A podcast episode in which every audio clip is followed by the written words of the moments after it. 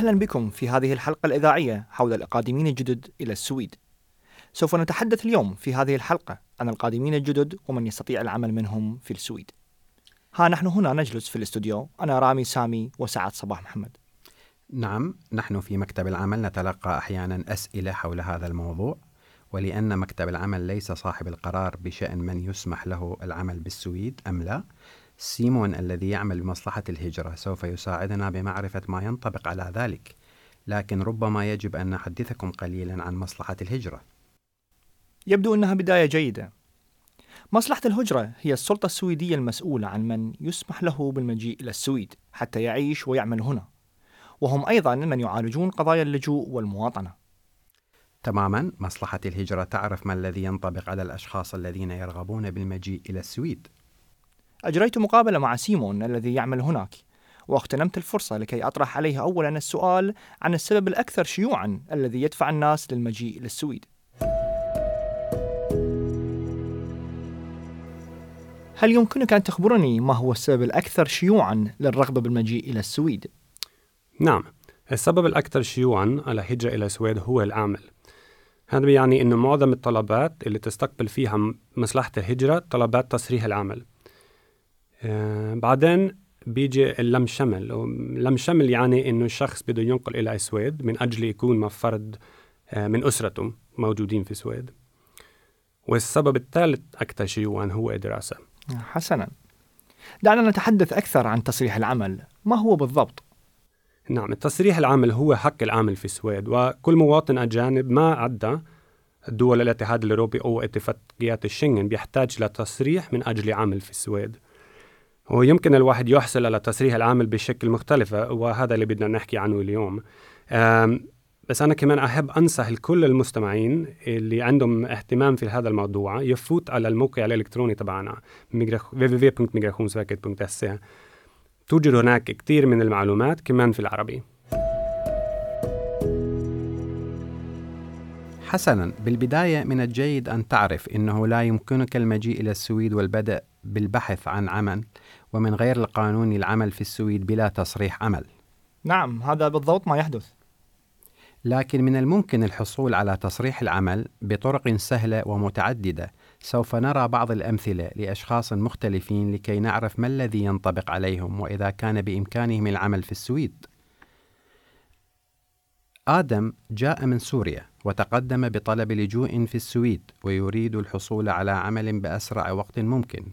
وهو حاليا ينتظر قرارا بخصوص تصريح الإقامة من مصلحة الهجرة السويدية. السؤال المطروح هو هل يستطيع العمل في السويد؟ سوف نستمع لما سيقوله سيمون من مصلحة الهجرة السويدية. نعم طالب اللجوء عنده حق يعمل في السويد خلال فترة معالجة قضيته طول ما يتعاون بإثبات هويته هذا يعني أنه طالب اللجوء لازم يعطيه لمصلحة الهجرة هوية باسبورت ووثيقة ثانية اللي, اللي, اللي يثبت هويته. في هذا الحال إذا الطالب بيقدر يثبت هويته بياخد اسم إشي اسمه أوتي أوند. وهذا بيعني حق العمل خلال فترة معالجة قضيته في السويد آتي أوند أم، أي الاستثناء بتصريح العمل؟ هل يمكنك أن تحدثنا عنه؟ نعم أعطي أند يعني استثناء من شرط تصريح العمل ومصلحة الهجرة بيعطيه هذا الاستثناء للطالب لجوء اللي يثبت هويته. وهل يسري ذلك على جميع طالبي اللجوء؟ بمعنى هل يستطيع الشخص التقدم بطلب اللجوء لأسباب مختلفة؟ سبب اللجوء ما بيأثر على إمكانية شخص يحصل على تصريح العمل إذا يستطيع آدم وجميع طالبي اللجوء الذين تم التحقق من هويتهم في, الس- في السويد العمل خلال فترة انتظارهم الجواب فيما إذا كان سي- سيسمح لهم البقاء في السويد بموجب ما يسمى تصريح الإقامة. يحصل طالبو اللجوء على بطاقة تثبت أنهم تقدموا بطلب للحصول على اللجوء اسمها بطاقة LMA أي بطاقة طالبي اللجوء وعلى هذه البطاقة توجد معلومات توضح ما إذا كان لديك الحق بالعمل أم لا. سألت سيمون أيضا عما يمكن أن يحدث في حال حصل آدم على تصريح إقامة ويريد جلب عائلته الصغيرة. يعني زوجته وأولاده ليعيشوا معه في السويد. أخبرني أن آدم يحتاج إلى السكن والمال لكي يتمكن من إعالة أسرته ويحتاج إلى أن يكون قادرا على توفير السكن لهم وشراء الطعام ودفع الفواتير. وإذا تمكن من ذلك تستطيع أسرته المجيء إلى السويد أيضا. وبعد ذلك يحصلون على تصريح الإقامة وبطاقة إثبات الهوية أيضا. علما أن الموضوع قد يستغرق قليلا من الوقت للمعالجة. وبعد ذلك تستطيع زوجة زوجته البدء بالعمل عندما تأتي إلى السويد. نعم طبعا لكن قد تحتاج لتعلم اللغة السويدية أولا. نعم هذا شيء طبيعي. يعني إذا كانت مثلا معلمة في سوريا يجب أن تدرس وتحصل على تصريح مزاولة مهنة التعليم. حسنا. لنكمل.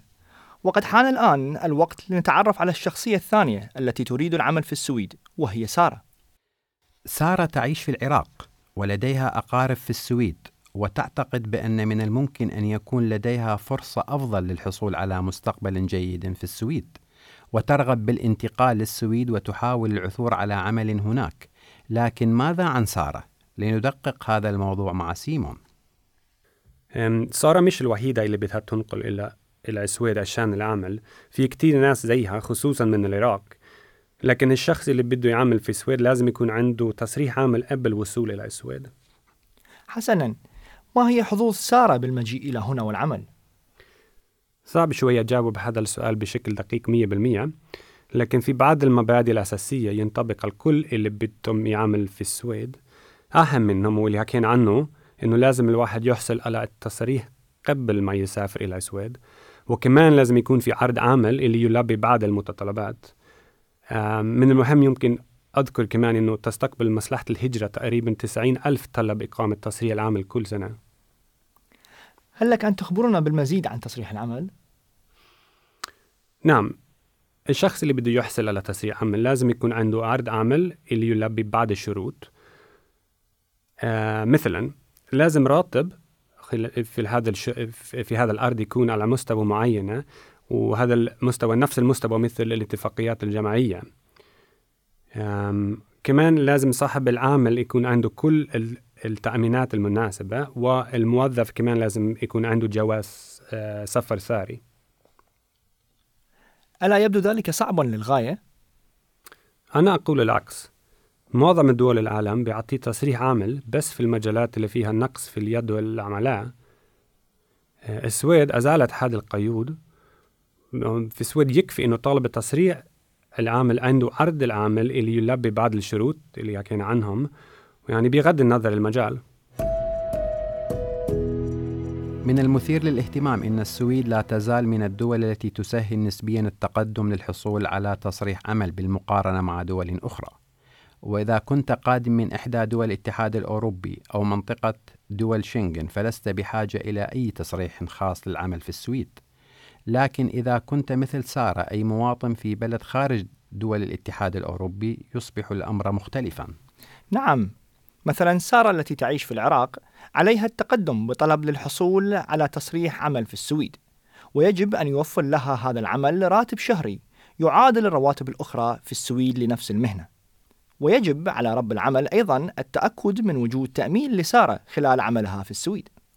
وإذا وجدت سارة وظيفة تلبي كل الشروط فمن الممكن أن يستغرق الموضوع وقتا طويلا نوعا ما يعني من ستة إلى عشرة أشهر قبل أن يصلها إشعار بالموافقة على طلبها لكن الخطير بالأمر هو أن تفقد عرض العمل يعني أن لا يبقى موجودا لكن ماذا لو كانت السويد بحاجة لك فعلا؟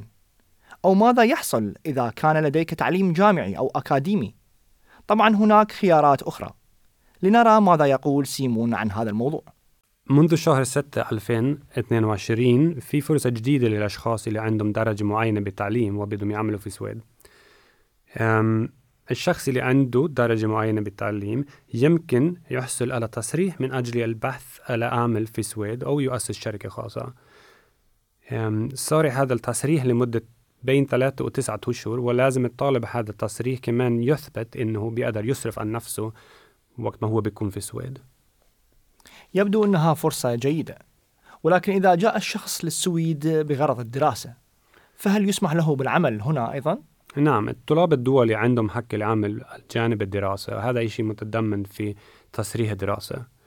وكمان في فرصة تانية للشخص اللي أنهى دراسة واللي ساته موجود في السويد في عنده كمان إمكانية يضل في السويد عشان يبحث عن عمل. هذا التصريح صالح عادة لمدة سنة.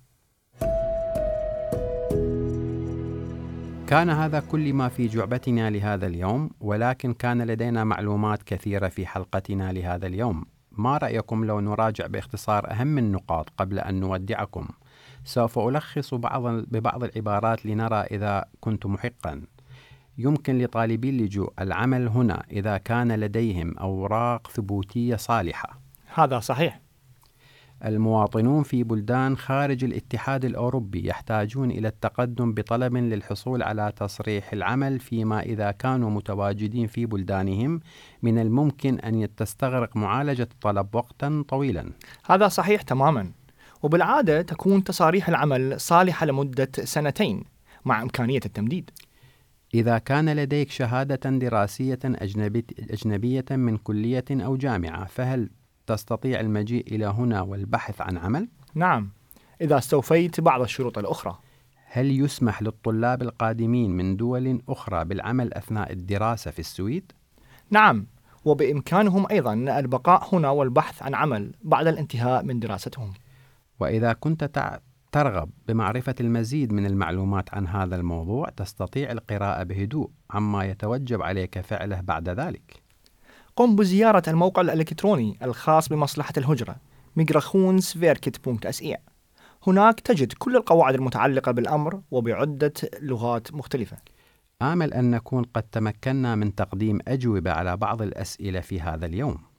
وأنا أتمنى ذلك وأريد أيضا أن أشكر سيمون من مصلحة الهجرة السويدية على كل المساعدة التي قدمها نعم شكرا سيمون والشكر موصول لجميع المستمعين. لقد استمعتم اليوم إلى حلقة إذاعية من حلقات مكتب العمل الخاصة بالقادمين الجدد. يمكنك العثور على جميع الحلقات السابقة على موقع مكتب العمل. إذا كان لديك أسئلة أو نصائح يمكنك مراسلتنا عبر البريد الإلكتروني podcast هذه الحلقة تم إنتاجها في خريف 2022